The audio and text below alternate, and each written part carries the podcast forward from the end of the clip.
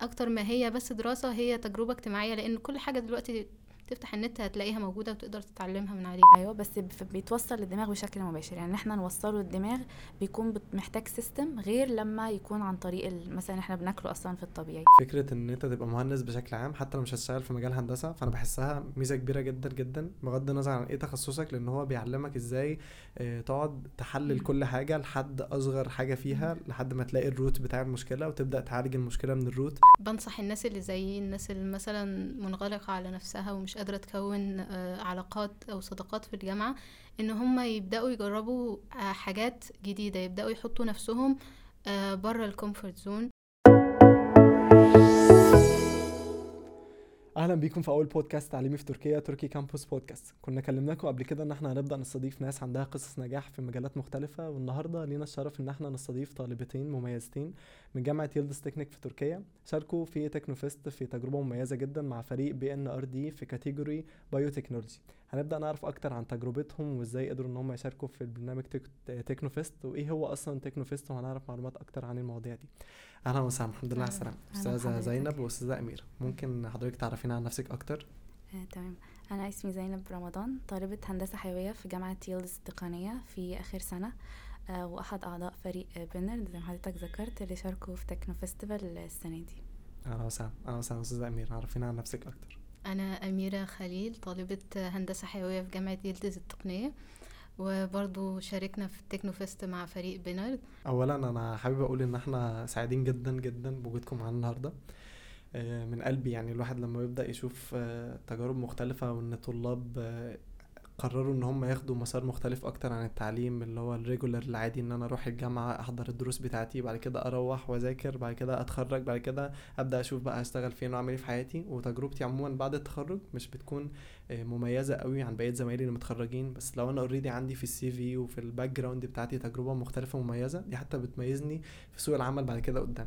فإحنا سعيدين جدا بوجودكم معانا إن إحنا عندنا تجربة مميزة مختلفة عن الباقي. فحابين نعرف أكتر عن تخصص حتى bioengineering يعني إيه هو تخصص bioengineering وليه اخترتوا التخصص ده بشكل أساسي؟ آه، وأنا عادة لما حد بيسألني السؤال ده لأنه هو شوية بيستغربوا هو يعني إيه هندسة أصلا وتبقى في الأحياء. فبحب أشرح لهم الأول وأسألهم وأنتوا لو قلت لكم يعني إيه هندسة أصلا هتقولوا لي يعني إيه هندسة. عشان لو فاهمين مفهوم الهندسة هنعرف نشرح يعني إيه هندسة حيوية. فمثلا إيه الفرق؟ يعني إحنا عندنا في الجامعة تخصص كيمياء وعندنا هندسة كيميائية. كلمة هندسة المفروض إن هي بتضيف إيه للتخصص المهندس هو شخص بيعرف إن هو يصمم يعمل تصاميم لل systems ال systems دي المفروض إن هي بتفيد آه، في إيجاد حل لمشكلة معينة أو إن هي تسهل أمر صعب. فيبقى أسهل عن طريق ال system ات دي أو إنه يكون في already system بيحل المشكلة وبيسهل الحاجة الصعبة بس في عيوب آه، أو صعوبات ما زالت موجودة آه، زي ما بنسميها drawbacks وكده. فال system الجديد بيحاول إن هو يتغلب على المشاكل دي. فالهندسة الحيوية نفس ذات الأمر ولكن في المجال الطبي. بالنسبة لنا المشاكل إن في بعض الأمراض ما فيش ليها علاج فبنحاول إن إحنا نلاقي لها علاج عن طريق تصاميم علاجية. بنصمم systems وإحنا مشروعنا أصلا هو عبارة عن drug delivery system أو مثلا يكون في بعض الطرق الصعبة في تشخيص العلاج. فبنحاول إحنا نلاقي طرق أسهل. طرق توصيل علاج مؤلمة. نحاول إحنا نلاقي طرق آه، أخف الما. أو مثلا تكون دوزز أقل بحيث إن المريض ما يحتاجش إن هو يتابع فترة أطول. وهكذا يعني. ماشي جميل. حضرتك آه، ليه قررتي إن انت تدخلي هندسة آه، هندسة حيوية بشكل أخص؟ هو الحقيقة كان جالي فرص كتير يعني جالي فرصة أدرس طب وطب أسنان وعلاج طبيعي يعني هي كلها حاجات ليها علاقة بالعلوم بشكل عام. بس أنا آه، لقيت في في كل المجالات دي أنا لو هتخصص هتخصص في حاجة واحدة بس. يعني مثلا لو بقيت دكتورة أنا هبقى دكتورة في حاجة معينة طول عمري. وأنا بحب المجال البحثي فالهندسة الحيوية بتديني الفرصة دي إن أنا أقدر إنه آه، أبقى آه ملمة بمعلومات الطب وملمة بمعلومات الصيدلة وملمة بمعلومات كمان الهندسة بس في نفس الوقت عندي مجال واسع جدا إني أغير من وقت للتاني الفكرة اللي ببحث فيها. وهكذا يعني. بس عموما كنت مهتمه ببيولوجي من وانت صغيرة يعني أو كان أيوة. عندي شغف فيه. يعني آه كنت عايزة حاجات اللي هي في الأول طبعا كنت عايزة طب وبعدين طب أسنان آه عايزة طب حاجة علاج طبيعي طب صيدلة. بعدين الهندسة الحيوية قدمت عليها بالغلط عشان أنا مش فاهمة تركي. ولما جات لي آه ما كنتش يعني يعني هي حاجة وخلاص biological إن هو أنا هقدم في يلدز تكنيك وهي كلها هندسات فأنا هخش هندسة إيه اللي شبه الحاجة اللي أنا حباها هي هندسة حيوية. وبعدين سبحان الله يعني الأمور كلها ما تيسرتش غير إن أنا أخش الهندسة الحيوية وفعلا طلعت يعني هي الخير ليا الحمد لله. حلو ده جميل. وحضرتك دخلتي هندسة حيوية ليه؟ أو إزاي اخترتي أصلا المجال؟ آه، الحقيقة وأنا ببحث يعني في آه، وأنا في لسه كنت في ثانوي كنت ببحث المجالات اللي وأشوف إيه المجال اللي هيبقى مناسب ليا ولشخصيتي. فكان في طب كان في اركيتكتشر كان في الحاجات دي كلها بس آه، كلهم كانوا محتاجين جانب من الشخصية مش موجود عندي. الطب مجهود كبير و... وتشخيص ومعاملة الناس وكده. في risk كبير في إن أنت آه هتعملي إيه وكده. يعني صعب مجال يعني ما كانش ليك أو مش مناسب آه. ليك عموما. تمام. وفي ال architecture كان برضو الرسم كتير ومحتاج innovation يعني خيال كبير وكده. يعني كنت مايلة لل architecture في الأول قبل ما أعرف قبل ما ألاقي bioengineering لأنه bioengineering لقيته بيجمع بين المجال الطبي والبيولوجي والهندسة فحسيته في النص ومناسب ليا. وكمان كان جديد وغريب وح- وده اللي خلاني آه، متحمسة ليه أكتر أو عجبني أكتر عشان مش معروف. فهمتك. مم. بس هل كان عاجبك برضو ال combination بتاع إن أنت هتبقي مم. مهندسة وفي نفس الوقت ليك علاقة بالبيولوجي فمديكي مساحة أكتر في الخيارات؟ أيوه لأنه مش هضطر إن أنا آه، أكون داخلة في تفاصيل البيولوجي أو عارفة كل حاجة عن عن عن جسم الإنسان أو عن البيولوجي لأنه عندنا ممكن نعمل res- يعني ممكن أعمل research عن حاجة معينة وأفهمها بالتفصيل وأعمل عليها بحثي. مش مضطرة إن أنا أكون فاهمة كل حاجة عن جسم الإنسان يعني. يعني هو مش مش قسم بيولوجي زي في في أقسام بيولوجي عادي في الجامعة بس هو لأ هو يعني داخل فيه شوية designs على شوية حاجات ان هنلاقي حلول للمشاكل الموجودة وكده صح؟ إحنا. عارفين ال basics كلها يعني تمام. أخدنا فسيولوجي وأخدنا الحاجات دي بس آه بس مش بالتفاصيل مش زي الدكاترة يعني آه، هو عادة الكل بيتلخبط بيفكروا إن هي هندسة في الأحياء الأحياء مفهوم واسع جدا يعني لو لما حتى دكاترتنا كانوا بيسألونا السؤال ده أنتوا داخلين هندسة حيوية ليه؟ بيقولوا لهم عشان بنحب البيولوجي. يقول لهم الهندسة الحيوية مش بيولوجي. البيولوجي بادئ من الكون بيخش فيه ال systems كلها ال ecosystems كلها الكائنات البحرية والجوية والمجتمعات وأنواع الكائنات اللي موجودة في المجتمعات. وبعدين تفاصيل بقى كل كائن ونخش في الجزيئات في الذرات. فبيخش تخصصات بيتعمق كتيرة قوي جدا. قوي في في كذا حاجة أيوه يعني البيولوجي حاجة. شاملة جدا. وهي أساس إن إحنا نعرفه بس مش مش هو مش إحنا المتخصصين فيه. يعني في مهندسين بيئة مثلا هم متخصصين في مثلا ما أعرفش يعني تخصصهم إيه بس في هندسة بيئية فمعناها إن هم متخصصين في جزء من الأحياء اللي هو البيئة. إحنا متخصصين أكتر في الجانب الجزيئي يعني ال- المفروض المشاكل اللي بتحصل جزيئيا بتأثر قد إيه على ال systems وعلى الكائن الحي إنها تسبب له مشكلة أو تسبب له مرض. وإن إحنا نحاول إن إحنا نلاقي علاج. بس إن هو إن إحنا نقول بيولوجي هي مفهوم واسع جدا. وفي تخصصات. بيولوجي طبعا. في تخصصات ليها علاقة بالهندسة الحيوية بعد التخرج زي ال biotechnology ال- ال biotechnology دي معناها إيه؟ معناها إن أنا لو هحل مشكلة هستعمل آه، حاجات خواص كائنات حية تانية. مثلا الفيروس عنده قابلية إن هو يحقن الجين بتاعه جوه خلية فأنا ممكن أستعمل الفيروس ده يكون مفرغ واخليه وأحط فيه جين أنا محتاجاه فيوصل لي جين أنا عايزاه مثلا. أو إن إحنا نلاقي لقاحات كورونا أو لقاحات بشكل عام ده يعتبر من قسم ال biotechnology لأني بتعامل مع مع آه، مسببات أمراض جزيئية أو. كائنات حية تانية.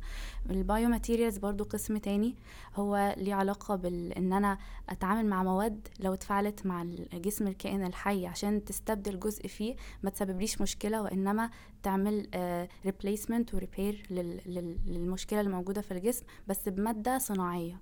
وهكذا كل قسم من الأقسام بيكون كده طريقة لح... طريقة لحل المشكلة بتقنيات معينة. يعني ده التخصص عندنا. فهمتك. طب وحاسين أكتر إن إن هي عشان bio engineering عشان في قسم engineering فيها ساعدكم أكتر ك ك character إن أنتوا تتطوروا في حتة إن أنا ألاقي system فعلا لحاجة أو إن أنا احلل المشكلة؟ لأن فكرة إن أنت تبقى مهندس بشكل عام حتى لو مش هتشتغل في مجال هندسة فأنا بحسها ميزة كبيرة جدا جدا بغض النظر عن إيه تخصصك لأن هو بيعلمك إزاي آه، تقعد تحلل. كل حاجة لحد أصغر حاجة فيها لحد ما تلاقي ال root بتاع المشكلة وتبدأ تعالج المشكلة من ال root بعد كده آه، تشوف تحل ال situation ده مع نفسه بعد ما تعمل له analysis وتحله وتبدا تحط system إن أنت بعد كده آه، ما يحصلش نفس المشكلة تاني فتبدأ بقى ت develop system تاني. ففي قسم برضو innovation شوية إزاي أنا هلاقي system مناسب لده ومش نفس ال system ال systems اللي أنا اتعلمتها. لأ ده كل situation ليه system خاص بيه customized ليه لازم إن أنا إيه أبدأ إن أنا اتعلم فيه. فحسيني إن هو فرقت معاكم عموما كحياتكم حتى بعيدا عن ال bio engineering أيوه طبعا. يعني هو ده أصلا اللي هو الهندسة. يعني المه... الهندسة اللي الواحد بيطبقها في حياته ويبدأ يفكر بشكل هندسي. يعني إحنا طول عمرنا كلنا بناخد مواد علمية يعني بمختلف أنواعها في المدرسة. بس لما الواحد بيبقى مهندس زي ما حضرتك قلت بيبدأ يطبق المعلومات دي بس عن طريق إن هو بيحاول يشوف في كل حاجة في الحياة. يعني حتى أنا وأنا راجعة من التكنو فيستيفال كل يوم في الطريق كنت بقعد أدور حواليا على مشكلة تانية أحاول إن أنا ألاقي لها علاج أو ألاقي لها حل علشان أشارك تاني. فهو فعلا المهندس بيبدأ يفكر بالطريقة دي. بالظبط بتبقى عقليته تحليلية أكتر نعم. يعني إن هو لما يشوف يعني في ناس كتير آه، قبل مثلا ما يدخل هندسة أنا متخرج من هندسة برضو فلما قبل ما أدخل هندسة كنا دايما لما نشوف مشكلة بيبقى خلاص أنا قدامي المشكلة مش قادر أشوف أي حاجة غيرها فدايما تفكيري كله حوالين المشكلة أنا واقع مش عارف أعمل إيه ما بقدرش آخد ستيب تانية مختلفة إزاي أوصل للحل ان أنا عايز أوصل للحل على طول عايز أغمض عيني أفتح عيني تبقى إيه في حل المشكلة. بس لما بدأنا إيه بعد هندسة بدأنا نتعلم أكتر إن إحنا لأ في step by step وعشان أعمل دي لازم حاجة قبلها ولازم أقعد أفكر أصلا أعمل brainstorm حوالين المشكلة وإيه أسبابها قبل ما أبدأ أصلا أخد خطوة الحل وقبل ما أستنى إن المشكلة تتحل على طول كده من نفسها تلقائيا يعني. مم. فأنا حاسس إن هي ممكن تكون فارقة فعلا كتير ك mentality أقصد يعني. أيوة. طيب خلينا نتكلم أكتر عن Teknofest دلوقتي آه، ممكن تشرحوا لنا طيب بشكل عام يعني إيه Teknofest هو ال Teknofest مهرجان للتكنولوجيا. بيتعمل في تركيا كل سنة في مناطق مختلفة كل سنة بيبقى في آه، في مدينة مختلفة. وفي آه، بيبقى آه، مسابقات كتيرة و categories كتيرة وكل وكل واحد لو عنده فكرة original أو فكرة آه، حلوة يقدر يقدمها يقدر يدخل بيها ويقدمها. وبيبقى آم، كمان الناس اللي ما شاركتش في المسابقات تقدر تيجي تزور ال Teknofest وت- وتتعرف آه، على الأفكار الجديدة ويشوفوا الأفكار بتاع الأطفال في أطفال بيشتركوا في كبار في كل المراحل العمرية يعني وفي كمان آه، بيبقى في عروض للطيارات وكده يعني بالظبط أنا آه. عارف أصلا إن. Teknofest ال- المركز اللي بيعمله أو المؤسسه اللي بتعملها اسمها TÜBİTAK و TÜBİTAK عموما كمؤسسة في تركيا يقدر أي حد عنده فكرة أو عنده project حتى لو مم. ال graduation project بتاعه يعني حتى لو هو. مشروع تخرج يقدر إن هو يقدم على TÜBİTAK فيها سواء كان الفكرة دي already موجودة عندهم في ال categories بتاعه ال Teknofest أو حتى لو فكرة جديدة ويقدر إن هو ياخد منهم مبلغ مادي آه،. تمويل يعني لل project بتاعه بعد ما يخلصوا وفي نفس الوقت المؤسسة دي بتعمل Teknofest بقى اللي إحنا بنتكلم فيه كل ده آه، أيوة. حضرتك إضافة لا إحنا already فعلا إحنا مقدمين projects كتيرة تبع ال TÜBİTAK يعني حتى مشروع تخرجنا قدمناه ده مم. بعيدا فعلا عن ال Teknofest لأنه بيدعم الطلبة اللي عندهم أفكار. ب... بالظبط أيوه يعني حتى ال category بتاعنا كان مدعوم بشكل خاص من ال Tekno من ال TÜBİTAK طيب جميل. إحنا. دلوقتي آه، قبل ما نبدأ نخش عن الفريق بتاعكم كان إيه هي فكرة ال category اللي بيشارك فيه وكده؟ فكرة Teknofest بشكل عام آه، إحنا عموما قبل ما إحنا شاركنا قبل كده في Teknofest بس آه، كنا بنعمل إيها تجربة يعني طيارة بدون طيار أو UAV يعني. فقبل ما نشارك في Teknofest كنا دايما بنسمع عنه وأنا يعني على يقين إن ناس كتير من اللي هتبقى بتتفرج علينا دلوقتي بتسمع برضه عن Teknofest بس مش عارفة إيه هو ليه أصحابها بيشاركوا دايما في الجامعة؟ بتلاقي في فريق كده دايما بيتجمع بالليل خالص في جراج في قسم معين قاعد بيشتغل على عربية بيشتغل على حاجة جديدة بيشتغل على صاروخ ناس كتيرة بنشوفها بتطير طيارات في الجامعة مش عارفين بيعملوا إيه. فدايما الموضوع بيثير الفضول لأي طالب ما شاركش أو ما يعرفش إيه بالظبط Teknofest. ولكن في ناس برضو بتروح ال final program اللي حضرتك اتكلمت عليه اللي هو بيبقى فيه آه، عروض طيارات موجودة بس إيه ما. بيبقاش فاهمين برضو ال ال المو... إيه اللي بيحصل بالظبط هناك ومين اللي بيشاركوا دول وبيشاركوا إزاي ونعمل إيه. فحابين آه، ناخد الموضوع من من جهتين. أول حاجة من ناحية الزائر اللي أصلا بيزور المعرض بتاع Teknofest ده. فعايزين نعرف من وجهة نظركم الناس أصلا بتشوف Teknofest لما يروح المعرض ده إزاي وليه يروح أصلا المعرض وإيه اللي هيستفيدوا لو راح المعرض. الزوار يعني بيروحوا أنا بحب جدا لما بشوف أسر واخدين أطفالهم. يعني كذا مرة أروح ال Teknofest وألاقي الأهالي مهتمين قوي إنه ياخدوا أطفالهم ويخلوهم يسمعوا المشاريع. يعني مهما كان المشروع صعب. يعني أحيانا إحنا لما كنا زوار آه، بنسمع المشاريع بنستصعب فهمها. لكن الأهالي بيكونوا جايبين لاولادهم كده دفتر وفي ناس حتى professors وفي ناس طلاب جامعات بيبقوا ماسكين دفتر وبياخدوا أفكار. فهو ال Teknofest هدفه إن هو يدي إلهام لل... للناس بشكل عام. اللي فعلا اللي مقدمش يعني ال- اللي ما كانش مقدم وجاي كزائر بيتشجع إن هو يقدم وده حصل معايا. أنا رحت السنة زائرة والسنة اللي بعدها قدمت. صح؟ بنسمع- خدتي ال vibes أيوة. المكان الموجود وقلتي ليه لأ ما شاركش؟ أيوه وبعدين بتبقى الأفكار في ال category الواحد متشعبة جدا. يعني آه، فالناس فعلا بتاخد بي بيهتموا إن هم يسمعوا الأفكار فكرة فكرة ويتحاوروا مع ال- الناس اللي هم مقدمين الفكرة عشان يحاولوا يفهموا فعلا هم عملوا إيه وبيصوروا مثلا لو في نماذج وكده يعني. دي من ناحية المشاريع من ناحية المسابقات ومن ناحية العروض آه، بيكون في عروض للطيارات بيكون في أفراد مثلا عندهم وظائف هامة في الدولة زي البحري ال pilots والناس اللي هم ال- ال captains بتوع الطيارات وبتوع السفن فالأهالي برضو بيخلوا ولادهم يخشوا الطيارات بتاع الحربية. يعني هي ك experience حلوة ليهم وفي حاجات معينة ليها علاقة بالألعاب. بيخلوهم مثلا يخلوهم يجربوا يعملوا صواريخ مصغرة. أو في كان في السنة دي نموذج آه، في كده شاحنة بتعمل نموذج للزلزال.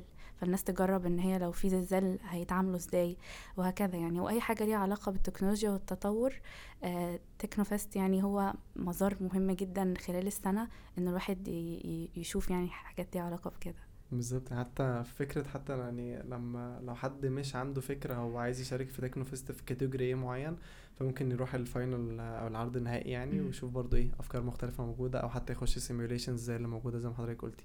وكمان حتى أعتقد آخر معرض راحوا أردوغان كان موجود فيه آه، بيكرم برضو الناس اللي شاركت فيه فأنا أقصد. الشخصيات المهمة اللي بتحضر من أول رئيس الدولة مرورا بناس مهمة في الدولة مرورا حتى بشركات كتير مختلفة بتروح عشان تشوف مين الطلاب اللي شاركوا ووصلوا المرحلة النهائية وبتعرض عليهم حتى job offers إن هم يشتغلوا معاهم في حاجات مم. معينة أو يعني إيه الموضوع بيكون scale واسع قوي وبيفيد حتى في مرحلة ما بعد التخرج. وإحنا أصلا ممكن نقدم فيه من بدري مش بس في فترة التخرج أيوة. يعني طيب آه، قولوا لنا بقى أنتوا إزاي اخدتي قرار ان انت تشاركي في تكنو فيست عموما؟ بعد ما سمعتي عنه ورحتي فجيت inspired by الناس اللي هناك إزاي إيه؟ اخدتي فكرة ان أنا طب أنا عايز اشارك ويلا نبدأ بحاجة.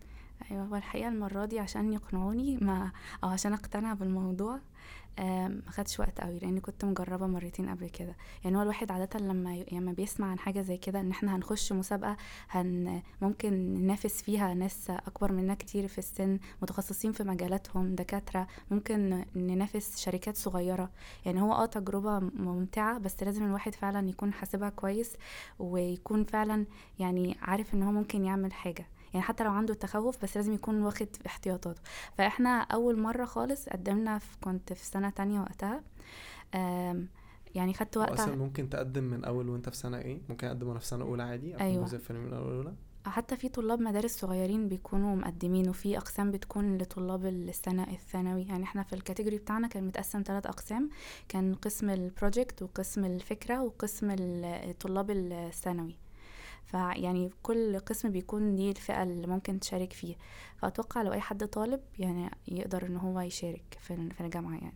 تمام. أم، أول أول مرة قدمت كنت سنة تانية ما كانش عندي معرفة قوي بال بتخصصي لسه. بس قالوا إن هي فكرة يعني ما كنتش برضو أعرف إيه التكنو فيست لأني ما كنتش زرته بس قالوا إن هي فرصة ما فيش يعني الواحد مش هيخسر منها حاجة. يعني بس هتتعلمي ويعني صابت صابت ما نجحتيش فالواحد ما خسرش حاجة. فقسمونا عرفنا عن طريق اتحادات اتحاد الجامعة. قالوا كل واحد عنده اهتمام في في فئة معينة يخش ال group ده. فاتجمع في كل فئة اللي عندهم من نفس الاهتمام وحتى إحنا ما كناش نعرف بعض. فكان وقتها برضو دخلنا حاجة ليها علاقة بال biotechnology وعملنا مشروع آه، وقدمناه نجح في المرحلة الأولى بعدين ما تأهلناش النهائيات يعني بعد المرحلة التانية على درجة ونص فكنا. مبسوطين جدا يعني إحنا تأهلنا لحاجة يعني عدينا مرحلة وكنا قريبين للنهائيات ودي أول تجربة لينا وكلنا كنا صغيرين في السن يعني كنا سنة تانية وأولى بس ال category كان برضو biotechnology؟ biotechnology كان إيه المشروع طيب ساعتها؟ كان المشروع هو عشان ما اتقبلش وحصل عليه تعديلات أنا مش عارفة لو ينفع أتكلم فيه بس هو كان بديل manual للجهاز الإنعاش الإلكتروني. تمام.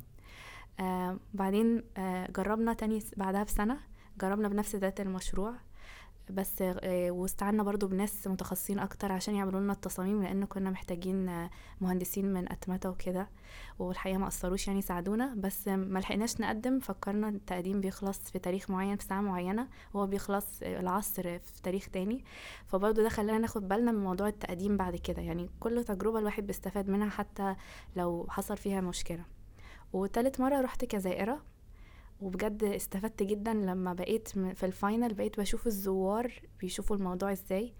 وكنت بضحك على حاجات أنا كنت مفكراها حاجة وهي حاجة تانية. يعني مثلا آخر يعني أنا رحت آخر يوم لما كنت زائرة. فكنت بعدي عمالة بعدي على مشروع مشروع عشان مش عايزة انه اسيب حد فيقول المشروع مش حلو. أنا أصلا يعني آه. تلات ارباع المشاريع مش فاهماها. بس يعني عشان بتراعي شعور الناس أيوة. المشاركة كفريق فتعبت جدا. ال categories كتير والناس كتير يعني تقريبا أكتر من 40 category كل category فيه ما يقرب 100 مشروع. ف... فكنت عايزة أعدي على الكل. فإحنا لما بقينا كنا موجودين مثلا في ال final كان في ناس بيعد يسمعوا اللي جنبنا مرة ما يسمعوناش إحنا. فهتقولوا فبقيت فاهمة إن هم تعبانين. لأ, لأ أيوه فأنا آه، فهمت إن هم كزوار هم بقالهم كتير بيسمعوا مشاريع تمام. ومش بالضروري إن هم ما سمعوناش عشان مشروعنا مش كويس أو كده. يعني في حين إن كان بيجي أحيانا دفعات كبيرة جدا يقفوا عندنا وبقية ال groupات يقولوا هم ليه دول؟ بس آه. بيبقوا groupات عرب بقى فمهتمين بينا وهكذا يعني. منظور الزائر بيخلي الواحد يفهم أكتر لما يشارك يعني. فأنا أنصح أي حد يزور آه، تكنوفيست آه، كمان قبل ما يشارك فيه. حلو جميل. طيب احكي لنا أكتر يا أميرة عن فكرة إزاي أصلا جات لك فكرة إنك تشاركي في تكنوفيست؟ هل برضو بنفس الفكرة دخلتي group وبعد كده لقيت ناس- مهتمين قلتي ليه لأ أما أجرب؟ أو سمعتي أصلا عن تكنوفيست إزاي؟ أنا عارفة عن التكنو فيست وسمعت عنه قبل كده بس آه، مفكرتش إن أنا أجرب إن أنا أدخل فيه. يعني كان في دماغي إن هو هيبقى حاجة كبيرة ومحتاج تحضير كتير وعندي دراسة وعندي جامعة ومش عارف إيه. بس السنة دي كان عندنا أساسا مشروع آه، مشتغلين عليه قبل كده وعندنا فكرة. فكانت الفرصة موجودة وقلنا ليه ما نضيعش الفرصة والبن... يعني ال group معانا آه، شجعنا وكده. ف يعني أنا في دماغي لما قدمنا إنه الموضوع مش هيكبر قوي كده وهنروح لل final يعني. خسارة. نقدم معانا مشروع معانا فكرة خلاص نقدم مش مشكلة. بس ما جاش في دماغي إن إحنا هنتأهل آه، لحد الآخر. بس الحمد لله يعني كانت الحمد لله إن إحنا قدمنا يعني وكانت التجربة كلها على بعضها كوي يعني حلوة يعني. كنتي أصلا أيوة. معاهم في التجربة اللي قبلها بتاعه لا، المشروع اللي أنا قبله؟ زي ما قلت أنا كنت بفكر إنه أقعد أشتغل على يعني إيه ما كانش عندي فكرة إيه التكنو فيست وليه أشارك فيه. وليه إنه تض... يعني كان في دماغي إنه تضييع وقت يعني بصراحة. طيب دلوقتي أنا في تكنوفيست اللي أعرفه إن في فرق ما بين إن أنت تقدم وتعمل مشروع وفرق بين إن أنت تقدم فكرة عموما وتكون فكرة جديدة أو حتى إن أنت تقدم ب design بس أو report بس. أقصد في كذا أنواع مختلفة. يعني أنا عارف إن في كذا category مختلف إنك تقدم فيه زي طيارة بدون طيار أو عربية كهربائية أو حاجة لها علاقة بال مثلا آه، robo taxi أو روبوت robotics بشكل عام أو حتى biotechnology أو أو إلى آخره. category مختلفة كتير. بس في فرق بين إن أنت تخش وتعمل مشروع ليه hard copy موجودة يعني إن. أنا أعمل حاجة بإيديا أو إن أنا إيه أقدم مجرد فكرة و research موجود عنها فقولوا لنا أنتوا مشروعكم كان أنهي نوع من الاتنين؟ آه، وفي نفس الوقت برضه عايزين نعرف إن أنا دلوقتي جبت فكرة المشروع وخلاص استقريت إن أنا هقدم في الكاتيجوري المعين ده سواء كان فكرة أو مشروع. إزاي بقى اخد اول خطوة ان أنا اجمع فريق ولا احكوا لنا تجربتكم عن الموضوع ده وازاي أقدر اقدم على البرنامج يعني؟ في الكاتيجوري بتاعنا كان متقسم لثلاث أقسام. آه بس كله لازم يكون فيه فكرة جديدة. يعني لازم يكون فيه إضافة على التصميم مش موجودة قبل كده. آه في قسم اللي هم طلاب آه، الثانوي وفي قسم ال project وقسم الفكر. آه اللي هو بس يكون فكرة. آه إحنا كنا قسم ال- الفكرة. طريقة التقديم بتكون عن طريق ال system بتاع ال Techno Festival اسمه T3 KYS فكل واحد بيعمل كل واحد من الفريق بيعمل حساب وبيبقى فيه كابتن للفريق. وبيبقى فيه إجراءات واضحة يعني هو واضح جدا بيتحط فيه البيانات وكده ومثلا advisor لو في دكتور بيساعد في في المشروع كمان بيحطوا بياناته. وأول مرحلة آه، طالما خلاص يعني سجلنا البيانات يبقى المفروض إن إحنا عندنا فكرة ولو بسيطة حتى لو مش مفسرة عن إن إحنا عايزين نقدم إيه. فبناء عليها بنختار ال category واختيار ال category مهم جدا لأنه ممكن يكون عندي فكرة قوية قوية جدا بس أختار category غلط. فأنافس ناس آه، أو أنافس حاجات بتبقى بالنسبة لي فكرتهم ضعيفة إيه قصدك في. category من الثلاثة اللي حضرتك ذكرتيهم سواء كان ثانوي أو فكرة أو مشروع أنا بتكلم على ولا- كل أي category من تكنوفيست يعني بتكلم آه. بشكل عام لازم الواحد يعرف هو بيختار بالظبط أي category مناسب ليه يعني ممكن يكون عندي مثلا آه، فكرة معينة ينفع أحطها في قسم ليه علاقة بالتكنولوجيا بس أحطه ليه علاقة category قصدك بالتعليم زي مثلا حاجات robotics ولا أيوة عربية كده ولا بالظبط. طيارة ولا تعليم ولا أيوة ماشي بالظبط. فمثلا ممكن أكون عاملة روبوت فالروبوت ده تعليمي. لو حطيته في منافسة اللي عاملين robots ممكن ما يكسبش. بس دي ممكن مم. يكون في التعليميه مفيد technical و robotics ممكن يكون أيوة. مش قوي قوي بس فكرته التعليمية هتكون أحسن في category التعليم بالظبط. فالواحد لازم يكون عارف هو بيختار آه، يعني يختار category بعناية عشان يشوف هو فعلا يعني هينافس ناس حاجة شبه اللي هو ال project اللي هو عامله. فبعد كده المرحلة ال- الأولى بنقدم الفكرة بشكل مبسط. المفروض إن هي إيه تقريبا إيه الحاجة الجديدة اللي هتبقى فيها. يعني ممكن ما يكونش عندنا رؤية كاملة بال method بتاع ال- الفكرة بكل حاجة بس عندي بشكل عام إن أنا عايزة أقدم فكرة هتساهم مثلا في مساعدة الناس اللي عندهم المشكلة الفلانية أو هقدم فكرة ليها علاقة بتطوير حاجة معينة. يعني فكرة بشكل عام. ال report المبدئي لو اتقبل بيكون لازم أجيب نجيب بعد التقييم بيكون أعلى نجيب أعلى من درجة معينة فبنخش على المرحلة الثانية اللي هو report أنا التفصيل آسف معذرة إحنا في. فترة ال ال فكرة إحنا بنكون الفريق بشكل عام يعني آه، اتعلمنا اول ان كل فريق أعتقد في كل مسابقة لازم يكون في عدد معين minimum في الفريق لازم يكون موجود. وأعتقد لازم يكون في شخص مسؤول عن كل حاجة في الفريق يعني مثلا كان عندنا رئيس الفريق وفي عندنا كمان لازم يكون في مسؤول خاص بالفلوس عشان إحنا كنا بنعمل. مشروع actual مش بس فكرة ولازم يكون بقى بيجمع ال receipts بتاع الحاجات اللي إحنا بنصرفها أصلا لما بتعدي مرحلة بتاخدي financial aid معين. بتاخدي يعني آه، مصروفات support من آه، من من TÜBİTAK فعشان كده لازم حد يكون بي report كل ده في report في الآخر بيتقدم لهم نعم. وإحنا برضو بنحاول نلاقي الدكتور المناسب عندنا في الجامعة إن هو يكون supervisor لينا فيرضى فقعدنا يعني علينا الفترة دي كتير مم. فكل ما إحنا كنا بدينا أكتر يعني كل استفدنا يعني إحنا كل ما نبدأ أكتر في تكنوفيست ان إحنا نجهز له كل ما يكون أحسن يعني. فأنتوا إزاي أصلا جمعتوا الفريق عشان تبدأوا المرحلة الأولانية already كان عندكم فريق هل زودتوا فيه ناس قسمتوا إزاي الأدوار ما بينكم هو الفريق إحنا already طول سنين دراستنا يعني في الأربع سنين عندنا projects كتيرة خاصة بالجامعة. ف... فيعني لأن ال- المجال بتاعنا مبني أكتر على الأبحاث. فالمفروض إن إحنا بنبحث كتير فبيدربونا في كل مادة إن إحنا إزاي نعمل بحث ونكون فريق. فبنشتغل already projects كتيرة مع بعض وبنجرب يعني الشغل مع ناس كتيرة. ففي سنة تالتة كان عندنا مادة project وكنا حابين إحنا ال- الأربعة إن إحنا نشتغل مع دكتور معين ليه علاقة بال بال drug delivery systems لأن دي حاجة إحنا كنا حابينها. وبناء عليه اشتغلنا مع بعض عن معرفة سابقة بكل واحدة فينا بتشتغل إزاي لأن already كنا مشتغلين مع بعض في projects كتيرة وشغلنا نوعا ما بيبقى يعني متشابه وإحنا بنرتاح مع بعض في الشغل. فدي الطريقة اللي جمعنا بيها الفريق واشتغلنا على ال project وتابعنا مع الدكتور. وبعدين لما خلاص سلمناه قلنا إن إحنا دلوقتي عندنا فكرة خلينا نقدم على التكنوفيست يعني فكان already. فريق موجود وال project شغالين عليه ومخلصين يعني وبعد كده قدمتوا من. خلال من النت عادي جدا تقديم أيوة. ورفعتوا معلومات الفريق كلها وبعد كده بدأتوا في ال- التقرير المبدئي صح كده؟ أيوه قدمنا التقرير المبدئي بالفكرة بعدها اتقبل قدمنا التقرير ال- النهائي يعني قصدي التفصيلي. فكمان الحمد لله اتقبل. يعني جبنا فيه بعد ما درجة تقدموا عاليه التقرير المبدئي إيه اللي بيبقى مطلوب منكم بقى؟ يعني بعد ما بتستنوا الدرجة المعينة اللي هي لازم يكون في مينيمم درجة مم. عشان تعدوا المرحلة اللي بعدها من هنا لحد ال... لحد ما تقدموا التقرير التاني المفروض أنتوا بتعملوا إيه بقى؟ برضو بتعملوا research عن الموضوع بتقدموا تقرير more detailed يعني عن الموضوع؟ أيوه يعني already إحنا بقى عندنا interest في حاجة معينة وقدمنا بيها تقرير مبدئي فهنبدأ إن إحنا نبحث فيها أكتر. آه لو بعدين بنكون بنجهز بقى التقرير التفصيلي.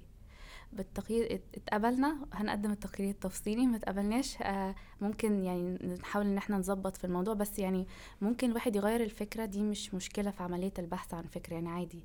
لو وممكن يكون الفكرة نفسها فيها خلل ممكن نبعت لهم نقول لهم إيه المشكلة اللي كانت في الفكرة؟ يعني دي حصلت قبل كده. قلنا لهم إيه المشكلة؟ قالوا لنا كان في فكرة في مشكلة في ال design مثلا. فحاولنا المرة اللي بعدها إن إحنا نعدل ال design. ده في المرة الأولى خالص لما حاولنا إن إحنا نشارك. بس المرة دي ما كانش في مشكلة في ال design وفي التقرير التفصيلي جبنا درجة عالية يعني فوق التسعين فوقتها إحنا كنا مقدمين idea بس يعني مش. project اللي حضرتك ذكرته كان الناس اللي بيقدموا project لازم يعملوا حاجة فبياخدوا fund آه. مبلغ مالي المفروض إن هم يقدموا نموذج لل project. بتاعهم إحنا ما كنا بس مقدمينها فكرة فكان كل المطلوب مننا إن إحنا نقدم نجهز project آه sorry. كان كل المطلوب إن إحنا نجهز poster اللي هو هيتعرض على الزوار ليه علاقة بال project وفي نفس الوقت نجهز presentation لأنه دي مرحلة تانية في ال final التفصيلية لو تحبوا نتكلم عنها بعد شوية. حلو جميل. لأن إحنا الفترة دي مثلا في التجربة كانت مختلفة عندنا إن هو مش فكرة لأ. كان مج... كان مشروع actual مشروع يعني. إيه، فبعد ما عدينا من ال كان اسمه conceptual design أو conceptual design report حاجة كده يعني. المهم إن هو فكرة إن هو برضو تقرير مبدئي. بعد ما عدينا فيها كان لازم بقى نعمل actual design موجود ولازم في آخر ال design خالص وإحنا بنسلم التقرير التفصيلي لازم نكون بنصور حاجة لل prototype اللي إحنا عاملينه النموذج الأولي أو المبدئي اللي إحنا عاملينه. هو لازم يكون شغال ولازم يكون في ال designs اللي موجودة فيه نفس اللي إحنا كاتبينها في ال detailed designs الموجود. آه، وبناخد fund على أساس كده وكان حتى ال support ما كانش كافي فبالتالي بدأنا ندور بقى على sponsors. مختلفة. في شركات مثلا قررت إنها تدعمنا بمكونات كهربائية معينة. في ناس قالت لا إحنا ممكن ندعمكم بفلوس الجامعة والبلدية عموما حتى دعمتنا في الموضوع ده كتير. فكانت تجربة مختلفة يعني إحنا إيه اضطرينا إن إحنا نعمل حاجة بنفسنا موجودة يعني. آه، أيوة. بس في خلال إن إحنا بنبدأ نعمل ده أصلا إحنا كان عشان مشروعنا كنا بنعمل طيارة بدون طيار. فبالتالي كان كل واحد فينا في الفريق مختص بحاجة معينة. كان في حد مختص بقسم الكهرباء فيها في حد مختص بقسم ال aerodynamic فيها في حد كان مختص بقسم البرمجي بيها. إن إحنا كنا بنستخدم قطعة اسمها Raspberry Pi حاجة كده مضطر ان إيه نستخدم لها برمجة عشان نبدأ نعملها. وفي طبعا team leader وحد مختص بال logistics وحد مختص بالحسابات فكان في لازم نجمع من الفريق ك characters تكون ملائمة أصلا لكل الفريق اللي إحنا بنشتغل فيه. وتاني حاجة technical skill عند كل واحد بحيث إن هو يقدر يفيد بشكل ما في ال- في المشروع. فعموما إنك تشتغل في, في جزء من فريق مش حاجة سهلة ومش كلنا بنقدر إن إحنا نعملها لأن ممكن في العاده بنبقى متعودين أكتر إن إحنا نشتغل بشكل individual أكتر يعني. بعمل حاجة مع نفسي بذاكر مع نفسي بحاول أعمل مشروع مع نفسي بفكر وأذاكر مع نفسي وكده. فلما نخش فريق بتبقى إيه؟ فريق بتبقى تجربة مختلفة. فممكن تحكوا لنا أكتر عن آه، دور كل واحدة فيكم في الفريق كان عامل إزاي؟ وبرضو يعني كل واحدة فيكم بالكاركتر بتاعها المختلف كان كان إيه بالظبط طريقة تعامله مع بقية الفريق يعني؟ آه هو عموما ال- الشغل مع آه مع تيم دايما بن بيبقى بيبقى م- مغضوب عليه أو الناس مش بتحب إن هو إيه هنشتغل في جروب تاني ومش عارف إيه. بس آه من تجربتي أنا بحس إنه إحنا بنتعلم من بعض وكل واحدة بتضيف حاجة بتضيف التاتش بتاعها على المشروع.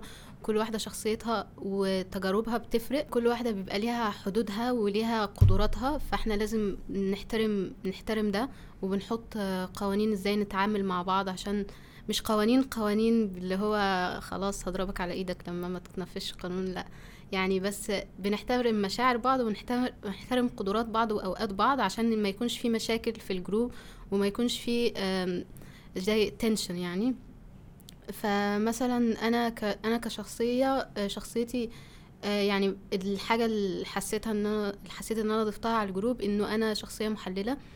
فكنت آه، دايما براجع الشغل آه، بحل يعني آه، عندنا مثلا شخصية creative بتجيب أفكار كتير بس مش كل الأفكار بتبقى واقعية فلازم نحللها ونشوفها ونظبطها ونقول آه، الكلام ده فعلا على يكون آه. مناسب مع ال project بتاعنا ولا لأ آه هل منطقي ولا مش منطقي وبن... وكمان كنت بشارك في البحث آه نتأكد من صحة المشروع من صحة الفكرة آه ومثلا كان عندنا برضو الشخصيات ال- الشخصية الاجتماعية شخصية مهمة إن هي تكون في كل group شخصية تقدر آه إن هي آم آه تسأل أو آم إن هي لو عايزين نعرف معلومة تروح تسأل بقى عنها دكتور أيوة. أو إن هو نجيب ال resource بتاعها منين وعندها مجهود بقى تعمل research أكتر. وتدور على المعلومة وتسأل ناس أكتر بكتير حلو ده. وفي شخصية ال- ال- ممكن نقول إحنا في group نا ما كانش في شخصية ال leader ما كانش في حد اللي هو انت كلامك يعني كنا بنشارك أفكارنا وبنشوف مين اللي فكرته آه تمشي أو إيه ال system اللي, اللي فعلا يرضينا كلنا آه أو الأغلبية مش لازم كلنا. وفي الشخصية اللي بتنظم ال system وبتحط القوانين. تمام. طب بما إن هي بصت لك فاحكي لنا بقى أنت يعني شخصية من okay آه هو أكتر منها قوانين هي اتفاقات يعني ما. فيش عقاب من الموضوع. يعني هو بس مجموعة اتفاقات عشان كان هدفنا إن إحنا دايما ال group work حتى لو في الشراكة في الشركات ممكن الناس في الآخر تخسر بعض. فإحنا عايزين نحافظ على صداقتنا مش إن الفكرة إن إحنا عايزين نعمل مشروع وكل حاجة بس في الآخر صداقتنا مهمة. وبرضو الصداقة بيبقى ليها أحكام يعني في الحاجات اللي إحنا بنعملها في الطبيعي كصحاب مثلا هزار وكده مش هينفع يكون في group الشغل. فأنا بيكون من وجهة نظري وهم بيوافقوني الحقيقة إنه لازم يكون في مجموعة اتفاقات بنتفق عليها من الأول. يعني ground rules يعني اللي هو. آه اللي هو عشان نتفق مع بعض. في منها حاجات بسيطة يعني زي في حاجات في إحنا بنعملها في العادي في group الصحاب إن إحنا دايما بنرد على بعض مثلا ب sticker ات كتيرة بكلام كتير. ففي ال... في group الشغل يفضل إن إحنا لما نكون عندنا ملحوظة أو سؤال نكتبه direct يعني مش لازم نكتب كلام كتير. يعني نكتب مثلا عندي سؤال في الجزئية الفلانية يتم الرد على السؤال على طول بحيث إنه الكلام المهم هو اللي يفضل موجود ويكون سهل في المتابعة. دي نيجي للنقطة التانية إنه مهم إن كل ال group يكون دايما متابع. يعني كله اللي عنده سؤال في حاجة يرجع يشوف تاني آه يعني مش فاهمها لازم يسأل فيها علشان يبقى كلنا فاهمين كل الأقسام. وتالت حاجة مهم جدا لو في واحدة فينا انزعجت من حاجة ولو بسيطة تقولها. تقولها بشكل يعني بشكل لائق. وفعلا الجروب يعني كان بيمتاز بيه إنه في دايما حوار محترم. ايا كان في مشكلة في مش بنعتبرها مشكلة بنعتبره إن هو تنبيه. يا جماعة مثلا أنا دايما بقول أفكار مش مش بتر... مش بتاخدوا بتنسوا تاخدوا فكرتي لما بتيجوا تنقلوها لل... للدكتور أو بتنسوا تتناقشوا فيها. أو مثلا كذا مرة أكون في اجتماع حد حد يقاطعني. مثلا دي كلها حاجات بسيطة بس مهم من الأول نتفق إنه ال- محدش يخاف إنه يقول. وال consistency بتاع كل واحد أصلا مهم جدا. فعلا. حاسة طيب إن ال system ده خلاكوا productive أكتر؟ طبعا. يعني خلانا productive وغير كده إنه ما خسرناش بعض لغاية الآخر. وفضلنا فضلنا صحاب وده أهم حاجة. فبقى في إنجاز وفي نفس الوقت إحنا كلنا مبسوطين وراضيين. وفي حاجات تانية كانت بتستحدث يعني قو أو انت يعني بعض الحاجات بنتفق عليها من خلال ال- اللي بيحصل. زي ما أميرة ذكرت إحنا ما كانش عندنا leader آه، فكان يعني اللي بتبقى فاضية تسأل يا جماعة هنعمل اجتماع إمتى أو كده. فالموضوع ده قلنا لأ لازم واحدة فينا تكون كل أسبوع leader وال leader شغلانتها حددنا المهام اللي لازم تعملها. تكون بتعمل إيه؟ اولا هتحدد مثلا موعد الاجتماع اللي إحنا هنعمله إمتى. بعدين آه، خلال الاجتماع هتفكرنا إن في اجتماع لأنه في أحيانا ناس بتنسى الاجتماع وده بيضيع من وقت ال- الكل. فبتفكرنا في اجتماع إمتى. خلال الاجتماع بتتأكد إنه اتاخد أفكار الكل وإن إحنا راجعنا الشغل القديم وكلنا فهمنا كل الأقسام. لأن كل واحدة بتشتغل على قسم معين. فمهم إن إحنا نفهم كل الأقسام لازم نفهم بعض ونتأكد إن إحنا كلنا فهمنا يعني عشان يبقى كلنا ملمين بكل المشروع. آه كذلك بتاخد الأسئلة اللي عندنا عشان هي اللي هتتناقش مع الدكتور. كنا كل مرة نقعد نقول مين هتكلم الدكتور المرة دي مين هتروح تقابله كده. فدي حاجة مثلا خلال ال... التج... يعني خلال شغلنا يعني قاعدة جديدة حطيناها وساعدتنا بعد كده. في كمان موضوع إن إحنا كنا بنحط ديدلاينز يعني مش يا جماعة والله إحنا هنشتغل الشغل ده وننساه بقى وننام بقى لأ في يوم كذا كله يكون مخلص كذا وكذا وكذا. فده كان برضو ساعد إنه يكون في consistency في الشغل. هو إحنا لاحظنا كمان إن أغلب الجروبات اللي وصلت إزاي؟ للتكنوفيست في وقت ما حطوا موضوع القوانين ده. مم. يعني النظام دايما مهم في أي عمل مؤسسي أو غير مؤسسي عشان ينجح. تمام. يعني غير مؤسسي زي اللي إحنا كنا في مجموعة صحاب بنشتغل مع بعض. في مؤسسة معينة لازم يبقى في قوانين في لائحة عشان يبقى كل حد بياخد حقه وكل حد مرضي والشغل يمشي بالشكل المطلوب. بالظبط. إحنا أي عموما أي اجتماع بنحضره بيكون ليه محضر اجتماع بيكون في- موجود في المحضر ده اللي هو مين اللي حضر وبدأ الاجتماع الساعة كام ومكانه فين والأجندة بتاعة الاجتماع لازم تتبعت قبل ما نخش الاجتماع ده على الجروب عشان يبقى كله محضر المواضيع اللي هيتكلم فيها. وبعد كده في ال meeting summary الملخص الاجتماع اللي بنتكلم فيه. بعد كده في مخرجات الاجتماع اللي هي بيكون فيها إيه؟ ال deadlines فحاسة طيب إن ال deadlines دي فرقت في إيه؟ كان إيه ميزتها إن إحنا نحط ال deadline لأن إحنا لما بنقعد أي اجتماع وبناخد فيه ملخص اجتماع بنكتبه يبقى خلاص بقى كل واحد آخد حاجة يعملها بنقول تمام. بعد كده يعدي بقى إيه؟ أسبوع اتنين خصوصا لو إحنا مش محددين آه، اجتماع دوري يعني الموضوع إيه؟ بيضيع في العالم. فشايفة طيب من وجهة نظرك إيه فايدة ال deadline إن هو يتحط؟ يعني لو بنحضر فكرة زي التكنوفست مثلا فدي ملهاش آه، مفيش التزام آه، يعني مفيش التزام آه، ملموس. يعني انت ممكن تقدم ممكن ما تقدمش هي حاجة في الآخر راجعة عليك فلما تلزم نفسك بديدلاين أو تلزم الناس اللي معاك بديدلاين آه يعني مش نحاسب بعض بس نفكر بعض ون- ونتوقع إنه الشخص ده أخد مسؤولية فهو يحققها. آه، فده آه، يعني يعني بيساعد على الالتزام بس يعني. بيكون كل واحد واضح بالنسبة له هو هيعمل إيه بالظبط آه. وفي وقت قد إيه فبالتالي لأن في ناس بتحب إن هي تاخد ال task. أنا مثلا عندي task المفروض إن أنا أعمله وبعد كده أنا لو مش عندي deadline معين أنا مش هعمل ال task ده. 100% صح. أنا أنا لو كمان. عندي deadline قبل ال deadline بربع ساعة. بس هيخلص. هيخلص. آه بالظبط. آه. ففكرة طول ما فيش. deadline ما فيش حاجة بتتعمل يعني. هو الفكرة في. ال deadline مش مش حاجة مش نوع من السيطرة. هو فكرة إن إحنا ك group لازم نحترم وقت بعض ولازم نحترم كل حد عنده أولوياته. فلما بنحط deadline معناه إن يا جماعة اولويتنا كلنا إن في الوقت ده نكون كلنا مخلصين. كل واحد بقى ينظم الموضوع على حسب وقته إيه. بس لازم الشغل يخلص في الآخر عشان نطلع بنتيجة. طيب جميل. دلوقتي بما إن إحنا اتكلمنا عن إن ال team اتجمع وجمعتوا الفكرة اللي. هتشتغلوا فيها وبعد كده قررتوا إن تخشوا المسابقة وقدمتوا عديتوا مرحلة ال conceptual design اللي في الأول أو. يعني إيه اللي هو التقرير المبدئي. بعد كده دخلتوا على المرحلة التانية أنا عايز أرجع لورا خطوة واحدة بس وأعرف فكرة ال- اسم الفريق بشكل عام يعني دلوقتي اسم الفريق آه. B N R D أو be. nerd أو إيه بالظبط أنا ما- يعني جه في دماغي كذا حاجة يعني قلت هل هي مجرد حروف؟ هل هي ليها معنى؟ هل هو be nerd يعني كن nerd اللي هو الشخص اللي بيذاكر. والله بجد. بجد فعلا جه. في دماغي ده في الأول. فممكن تقولي لنا طيب إيه الفكرة جت منين أو يعني اسم الفريق؟ الفكرة إنه واحدة من الفريق قالت يا جماعة إيه رأيكم في الاسم ده؟ أخدت حرف من من وسط اسم كل واحدة فينا يعني R من أميرة في النص وكده. تمام. آه وبعدين قبل ما نقدم بقى قلنا لا مش هينفع يبقى ده ال- آه. دي الفكرة بتاع الاسم يعني. آه لازم نخترع لها قصة بقى. لازم كده يكون شكلنا professional فقلنا be آه، be nerd هتبقى برضو إن هي be nerd حرف بالمعنى اللي أنت قلته. آه يعني دي حاجة فعلا. آه. آه تمام. مش فكرتي. ماشي. بس كمان ليها. إن هو bio engineered nanoparticles to restore dementia عشان إحنا مشروعنا عن الزهايمر. فربطناها باسم المشروع وبرضو ليها معنى خاص بينا إحنا كمان يعني أيوة.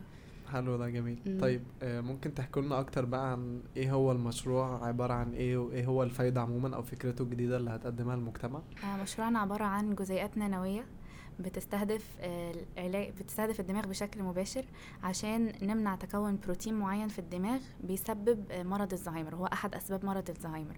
فالجزيئات النانوية دي المفروض إن هي بتوصل لي معاملين علاجيين واحد منهم اس اي ار ان اي اللي هو silencing gene بيمنع تكون اللي هو هيمنع تكون ال- البروتين عن طريق إن هو بيقص ال copy بتاع الجين اللي عارف في ال genetics يعني هيكون عارف إحنا بن target إيه بالظبط. تمام.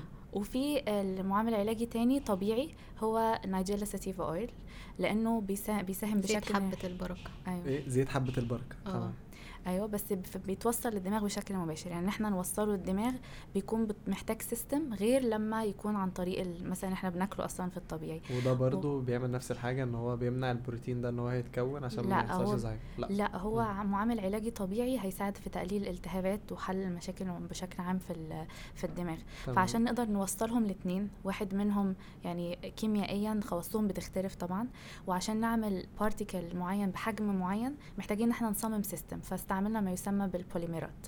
ده آه، ده علم يعني بيستعملوا بشكل عام في توصيل العلاج في حاجات كتيرة لازم نحطها في الاعتبار زي الشحنة مثلا بتاع ال particle في النهاية هتكون عاملة إزاي حجمه بيكون قد إيه طريقة توصيله بحيث إن هو ي target الهدف بأسرع طريقة ممكنة وأقصر طريقة ممكنة فالمفروض إن هو يوصل عن طريق بخاخ للأنف بس. هو ده عبارة عن حاجة فيها قسمين صح كده حاجة بتمنع تكون الزهايمر والحاجة التانية إن هي بتعالج. عموما حاجات جوه أيوة. الأعصاب في المخ يعني ولا إيه؟ بتعمل healing بتقلل الالتهابات يعني. أي مشكلة بتحصل في الجسم حتى لو الواحد أصاب بزكام بيحصل له التهاب.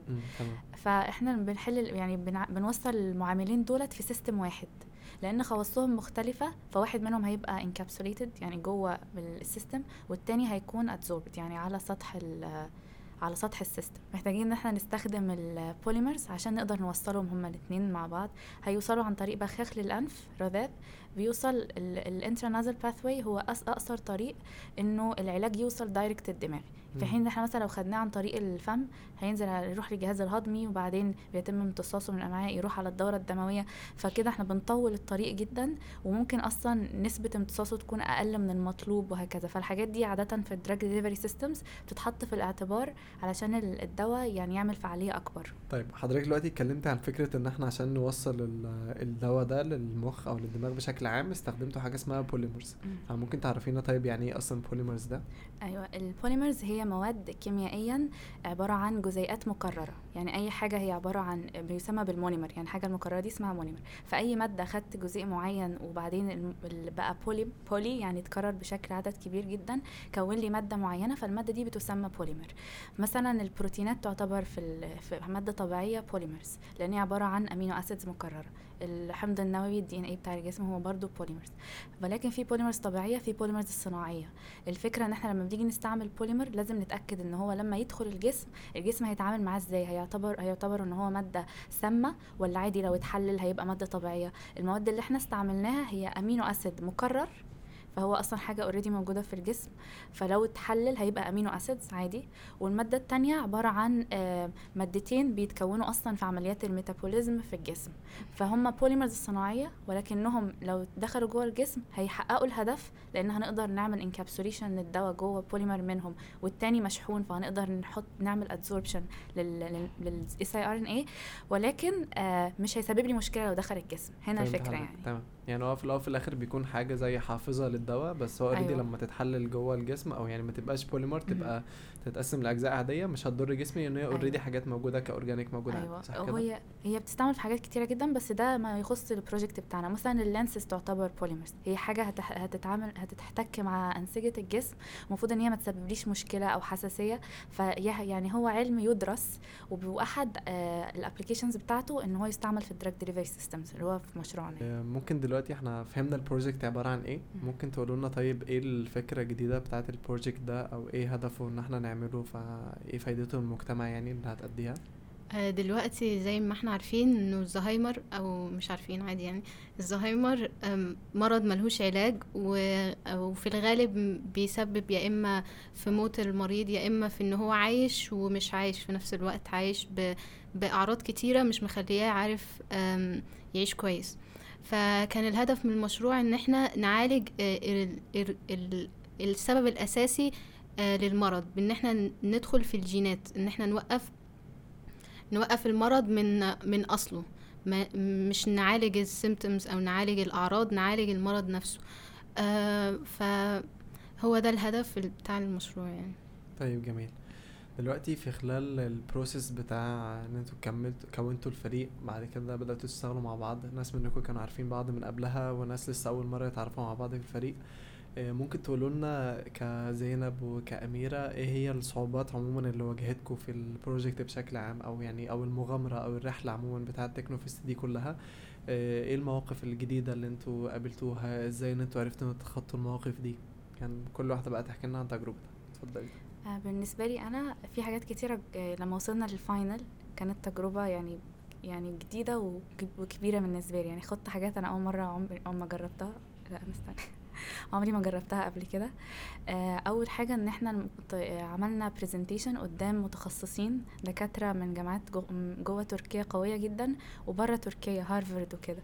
فهم ناس متخصصين في مجالنا وبيسألونا أسئلة آه، يعني إحنا كنا مبسوطين إن إحنا فاهمين أصلا الأسئلة اللي هما بيقولوها وعارفين إن إحنا نجاوب عليها.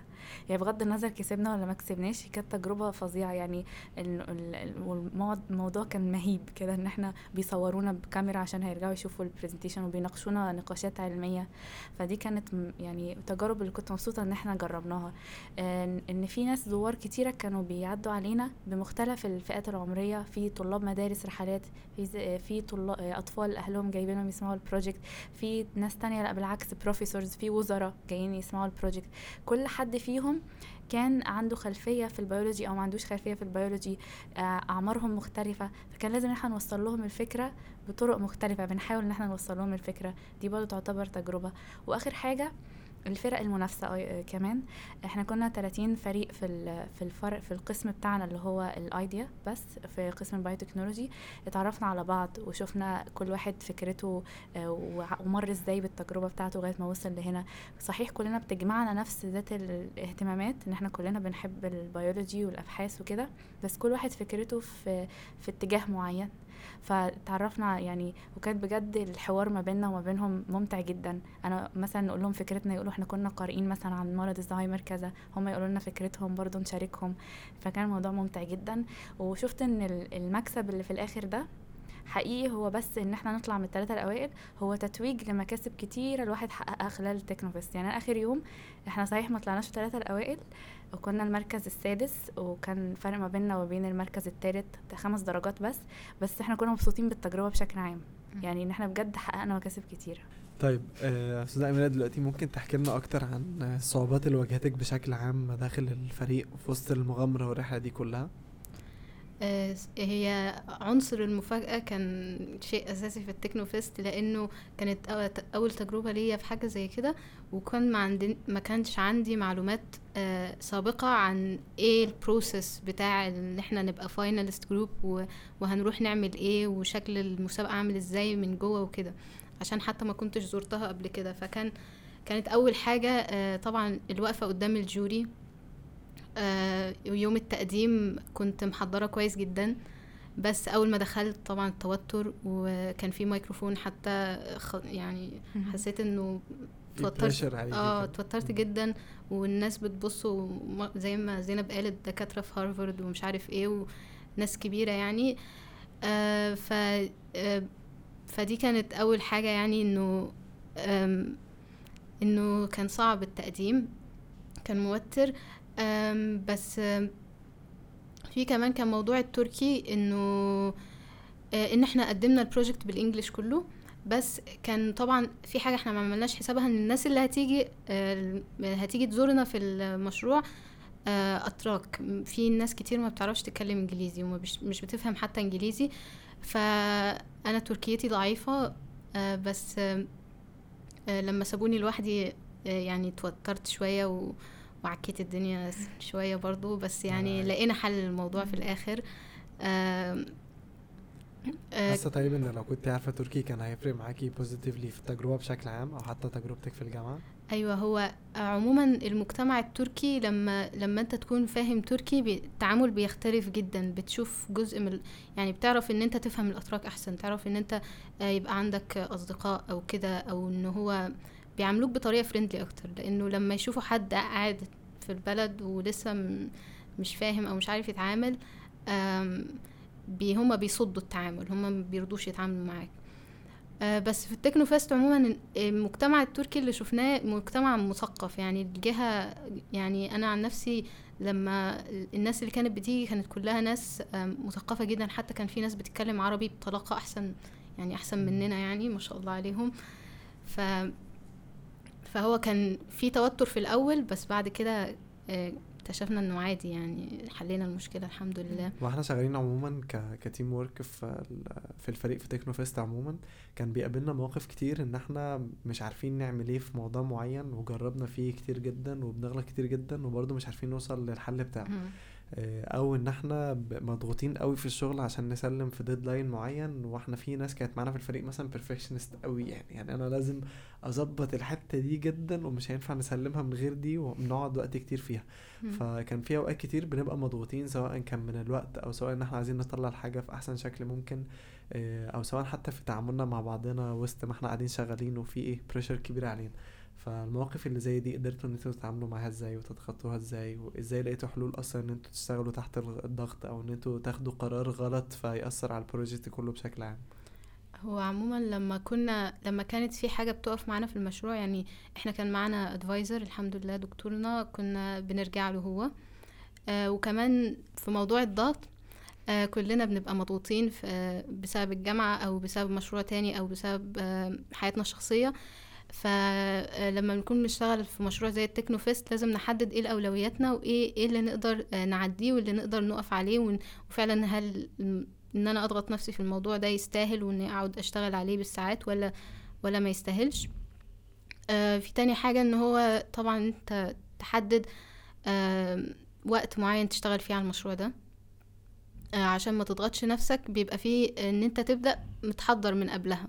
يعني كل أسبوع نشتغل فترة معينة عشان ما أضغطش نفسي قبل الديدلاين آه بس. حلو. يعني هو ال time management وإن أنت تحددي أولوياتك. بشكل عام. يعني وكنت أيوة. أنت عارفة حتى كأميرة إن أنت تظبطي وقتك مع بقية الحياة الشخصية في فترة التكنوفيست. بشكل عام؟ أيوه. أنا أنا حتى فاكرة كان في يوم عندنا تقديم وكنت في نفس الوقت عايزة أخرج فأخدت معايا لابتوب وخرجت وخلصت خلصت شغلي عادي. يعني بنقدر نوفق برضو بين الحاجتين. لو أنا عايزة أعمل الحاجتين في نفس الوقت ليه لأ؟ حلو جميل. طيب احكي لنا أكتر برضه يا زينب عن التجربة بتاعتك في وسط الضغوطات اللي كانت موجودة بشكل عام. آه، هو ما يتعلق بالتكنوفيست بالذات. هو إحنا بجد عشان كنا صحاب وغير كده إن إحنا كلنا في سنة رابعة يعني تقريبا واخدين نفس المواد. ف فكنا بن... نوعا ما بنشيل بعض. يعني فمثلا أنا فاكرة بجد يعني موقف إن أنا كان عندي أنا كنت واخدة مادتين من من سنة رابعة وإحنا كنا وقتها في سنة ثالثه فقلت للبنات أنا مش هعرف أشتغل مثلا الأسبوع ده بس سيبوا لي قسم كبير الأسبوع الجاي أشتغل عليه. وفعلا ما اشتغلتش وقتها. فأنا فاكرة لهم الموضوع ده بجد لأن كنت وقتها مضغوطة جدا وهما ما, ما منعوش يعني. فا آه يعني بالإضافة لل time management إن إحنا كنا صحاب. غير كده إنه آه كنا بنبقى عارفين مثلا إن إحنا عندنا نفس الامتحانات أو كده فهنبقى مثلا فاضيين تقريبا اليوم ده فمعلش كل واحدة تفضي نفسها لو عندها حاجات تانية عشان هنشتغل يعني. وزي ما قلنا قبل كده إنه كانت لما عملنا موضوع ال leader ده كانت خلاص ال leader هي بتحدد معانا الوقت عشان اللي يناسبنا كلنا. خلال فترة التكنو فيست اتكلمنا عن فكرة الصعوبات وإزاي نقدر إن إحنا نتخطاها وتعاملكم معاها كان عامل إزاي. دلوقتي أنا عايز أعرف من حضرتك إيه أكتر الحاجات اللي استمتعتي فيها في تكنو فيست عموما أو اللحظات كده الجميلة سواء كان صحبتكم في الجامعة سواء كان حاجة استمتعتي بيها في التخصص في ال project أو حاجة تانية خلال الفترة دي يعني. آه، آه، أول حاجة كانت آه، تجربة التكنو فيست كان الموضوع ال public speaking ده كنت خايفة منه جدا بس لقيت إنه مع التعامل مع الناس بصراحة استمتعت معاه استمتعت جدا إن أنا أشرح فكرتي وإن أنا أحاول أفهم الناس آه، إنه حاجة أنا آه، بحبها وشغوفة فيها إنه أحاول أفهمها لهم وأحاول أوريهم إنه بصوا إحنا عملنا إيه. فده كان كانت حاجة استمتعت بيها وكان برضو استفدت من ناس كتيرة هناك إنه إحنا ما لفيناش قوي عشان كنا واقفين في الستاند بتاعنا بس لفينا شوية يعني واستفدت كتير من أفكار وتجارب الناس اللي حواليا. آه، كان في كمان كان في آه، عروض الطيارات دي كانت آه، جميلة جدا بصراحة. بس. ده جميل. هو إيه أصلا الجوائز عموما اللي بتبقى في تكنوفيست يعني إيه ال opportunities اللي ممكن تعطى الفريق نجح في تكنوفيست آه، آه، في بيبقى فيه الثلاثة الأوائل وفي جوائز مالية آه، هو يخت... التكنوفيست يختلف إنه أنت مش محتاج إن أنت تتابع أو تنفذ المشروع بعد ما بعد ما تاخد الفلوس ممكن يبقى المشروع بتاعك يعني. ففي الجوائز المالية وكل category الجوائز بتاعتها تختلف. إحنا كان عندنا هو مش فاكرة بصراحة. هي الجايزة الأولى كانت ستين ألف بس وزير التكنولوجيا زودها لتمانين ألف في آخر في لما جزر يعني ال category بتاعنا. فهما بياخدوا مبلغ مبالغ مالية وبيفرق من category للتاني على حسب ال project يعني. آه يعني إحنا بتاعنا برضو كان مدعوم من توبيتاك فكانت الجوائز أكبر. مم. وبياخدوا كمان درع أتوقع ذهبي وفضي وبرونزي. كمان فكرة إن هما الرئيس بيكرمهم وبايركتار وكده يعني فبيبقى في حفاوة في الموضوع. بالظبط. جميل. طيب احكوا لنا أكتر عن دور الجامعة عموما معاكم في خلال ال process دي. يعني هل الجامعة قدمت أي support من خلال مثلا بروفيسور معين من خلال مكان معين من خلال مثلا technical support أو أي حاجة تانية؟ أكيد طبعا. أولا ال advisor بتاعنا دكتور مراد توبوزولاري هو متخصص في ال drug delivery systems كان متابع معانا بلحظة بلحظة وساعدنا كتير في التصميم لأنه أكيد إحنا معلوماتنا مش هتبقى زيه. آه، ده غير إن إحنا آه، اهتمام صحابنا بينا. يعني هم أصلا جم زارونا في في التكنوفيست وكانوا مبسوطين بينا سواء عرب أو غير عرب. ال rector بتاع الجامعة. في نهاية الحلقة حابين إن أنتوا توجهوا لنا رسالة عموما للطالب اللي حابب إن هو يخوض تجربة مختلفة في حياته آه، سواء كان تكنوفيست أو غيرها يقدر إن هو ياخد إزاي الخطوة دي أو تقدروا توجهوا له تقولوا له إيه يعني. يعني افتكري أميرة قبل ما تدخل التجربة دي أصلا وكانت لسه في الجامعة بس بتروح دروسها وترجع تاني فتقدري تقولي لها إيه عشان تدخل تجربة زي دي وتجربها تاني؟ أنا تجربتي في الجامعة عموما كانت زي ما قلت كانت أميرة بتروح دروسها وبتحضر دروسها وتروح تمتحن وبس يعني. أه، بس اللي اكتشفته في آخر سنة إن أنا بجد مع عشان إحنا كمان كانت حياتنا الجامعية أونلاين ففي آخر سنة حسيت إن أنا ما ما ما اكتسبتش حاجة بره الدراسة ما فيش حاجة تسندني غير المواد اللي أنا أخدتها و... وإنه حياة الجامعة أكتر ما هي بس دراسة هي تجربة اجتماعية لإن كل حاجة دلوقتي تفتح النت هتلاقيها موجودة وتقدر تتعلمها من عليه. ف آه، يعني أنا بنصح الناس اللي زيي الناس اللي مثلا منغلقة على نفسها ومش قادرة تكون آه، علاقات أو صداقات في الجامعة إن هم يبدأوا يجربوا آه، حاجات جديدة يبدأوا يحطوا نفسهم بره ال comfort zone إنه إنه كلنا ناس عاديين مفيش حد بيفتكر لحد غلطة. آه، أو يعني إنه أنا مش مركزة مع غلطاتك زي ما أنت مركز مع نفسك. يعني محدش حاطط في دماغه أنت قلت كذا من كام سنة موضوع مش حقيقي يعني. فبس إنه آه، تحط جرب مرة في مرة وبتلاقي إن الموضوع طبيعي في الآخر يعني. بس. تمام. حضرتك يا أستاذ أنا بالنسبة لي أنا كنت في الجامعة بعمل حاجات تانية بس خارج ال- حاجات ليها علاقة بتخصصي مثلا الاتحادات وكده. فليا نشاط اجتماعي. بس بالنسبة للتكنوفيست آه، يعني هي بالنسبة لي خطوة كانت محتاجة ترتيبات قوي. فبنصح أي حد طالما الدولة موفرة يعني مهرجان مميز زي كده فأي حد يورط نفسه إن هو يدخل بجد يعني عشان يضطر إن هو يبحث يخش تجربة زي دي هي مفيش فيها خسارة خالص. يعني حتى الأخطاء اللي بتحصل الواحد بيتعلم منها. ومسألة إن إحنا نبدأ ندور على فكرة م- آه زي ما أميرة قالت هو مفيش حد يعني اللي وصلوا للتكنو فيستيفال ما هماش أشخاص عباقرة. هم شخص يعني أشخاص حطوا نفسهم في في موضع إن هم لازم يبحثوا ويبدأوا يدوروا عن فكرة ويركزوا فيها فقدروا إن هم يوصلوا لحاجة يعني من من مجموعة كبيرة من الناس. ممكن حد تاني ما تأهلش يقدر إن هو يتأهل تاني. فكله يبدأ يحاول إن هو يبحث ويخوض تجارب زي دي وما يخافش طالما هي ال risk فيها مش كبير وإنما كلها فوائد. طيب حاسة إن تجربة تكنوفيست عموما فادتك في ال future plans بتاعتك أو إزاي حياتك هتكون متغيرة بعد التجربة؟ هي فادتني آه كمان من تخصصي لو بصيت من منظور تخصصي في طريقة البحث. يعني إحنا لما نيجي نبحث عرفت إن أنا لازم أبدأ أبحث في حاجة هي موازية لمعرفتي مش أكبر مني بكتير. يعني ممكن يكون في حد متخصص في حاجة ليه, ليه ما عملش الحاجة دي دلوقتي؟ تاني حاجة ما خافش إن أنا آخد خطوة أولى لو النتيجة هتظهر بعد سنين كتير. يعني مثلا الحاجات العلاجية بتاخد سنين كتير جدا 15 سنة 20 سنة من البحث. لو محدش خد خطوة أولى ال 15 20 سنة دول هيعدوا مش هيبقى في نتيجة. فبالعكس يعني نبدأ كلنا نبحث ونحاول إن إحنا ناخد خطوة أولى يمكن حد بعدنا يكمل. بس عشان الناس اللي عندها مشاكل يعني فعلا يلاقوا حد بي بيحاول إن هو يدور لهم على حل لمشكلتهم. وفي حياتي بشكل عام إنه ما بدات ما بقتش أحسبها كتير أنا عادة كنت بحسب كتير كل خطوة هاخدها إيه النتيجة منها ما بقتش أفكر كتير طالما ال- آه، إن أنا فعلا هتعلم من التجربة دي وإن هي فعلا هت- هتغير فيا. جميل حضرتك حاسة إن هو إن التجربة بشكل عام فادتك في إن انت تفكري في مستقبلك أو إن انت تغيري من مستقبلك؟ هي التجربة دي عطتني دفعة وإنه motivation إن أنا أحط إن أنا أشترك في الحاجات دي تاني يعني لأنه حسيتها تجربة بجد آه، مميزة. وجديدة آه، بالنسبة لنا كناس مثلا جايين من بلاد عربية ما فيش الفرص دي ما بنلاقيهاش كتير يعني. فإنه يديك إن بيديك صوت إن أنت تعبر عن أفكارك وتحسن حتى بنحسن صورتنا إحنا كعرب هنا لما نشترك في حاجة زي دي ونبين ونبين إن إحنا ناس متعلمة وناس مجتهدة وكده. فهي في الآخر كانت تجربة إيجابية لينا كلنا يعني الحمد لله. بالظبط. أنا شايف إن هو إن كل واحد عموما سواء كان عربي أو أجنبي بره بلده آه، فكرة إن هو يكون حاسس بالمسؤولية الشخصية إن أنا سواء كنت بتعلم حاجات لنفسي وب develop عموما في نفسي و career ي بعدين آه، بس أنا already عندي مسؤولية إن أنا أكون مختلف في المجتمع اللي أنا موجود فيه وفعلا يكون ليا فرق. يعني أنا حاسس إن مهم جدا كل واحد فينا يسأل نفسه آه، أنا فارق في إيه بالظبط في المجتمع اللي حواليا؟ as شخص يعني موجود هل أنا بأثر في اللي في حواليا ولا لأ؟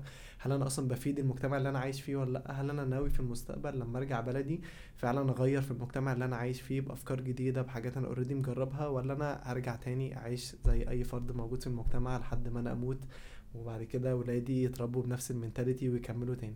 أنا بحس إن كل واحد فينا لازم يكون عنده مسؤولية مجتمعية يعني تجاه المجتمع اللي حواليه بإن هو يكون فعلا ليه أثر ومختلف فعلا. يعني أحمد الشقيري بيتكلم جدا في فكرة آه، كتير جدا في فكرة يعني إن تكون أنت مؤثر في المجتمع اللي حواليك وبيجيب التجارب بتاع الناس الموجودة في دول مختلفة كتيرة في الصين. وفي السعودية وفي وتجارب حتى ناس مختلفين تانية فدايما الواحد وهو بيتفرج على الكلام ده بيعجبه. آه لأ ده جميل أنا نفسي أكون واحد زي دول. طب ما تبدأ. يعني هيجي بقى نفس اللي حضرتك قلت يا أستاذ زينب فكرة إن الواحد واحد ياخد ال first step عشان يعمل ايا كان التغيير في المجتمع اللي هيقعد لمدة 15 سنة بعد كده بيكملوا نفس ال- الريسيرش عليه عشان يطوروا في حاجة تبقى فعلا فارقة وتفيد كل الناس بشكل عام. فهي كل واحد فينا لازم يكون جواه لازم إن هو إيه ياخد الخطوة دي بشكل مبدئي. إحنا سعيدين تاني بوجودكم معانا. إن شاء الله بنتمنى لكم التوفيق في حياتكم المستقبلية سواء في الكارير أو حياتكم الشخصية بشكل عام. وإن شاء الله تشرفونا تاني في برامج وفعاليات تانية مختلفة بإذن الله. بإذن الله. إحنا. أسعد بحضورنا ونشكركم على الاستضافة. الله يكرمك.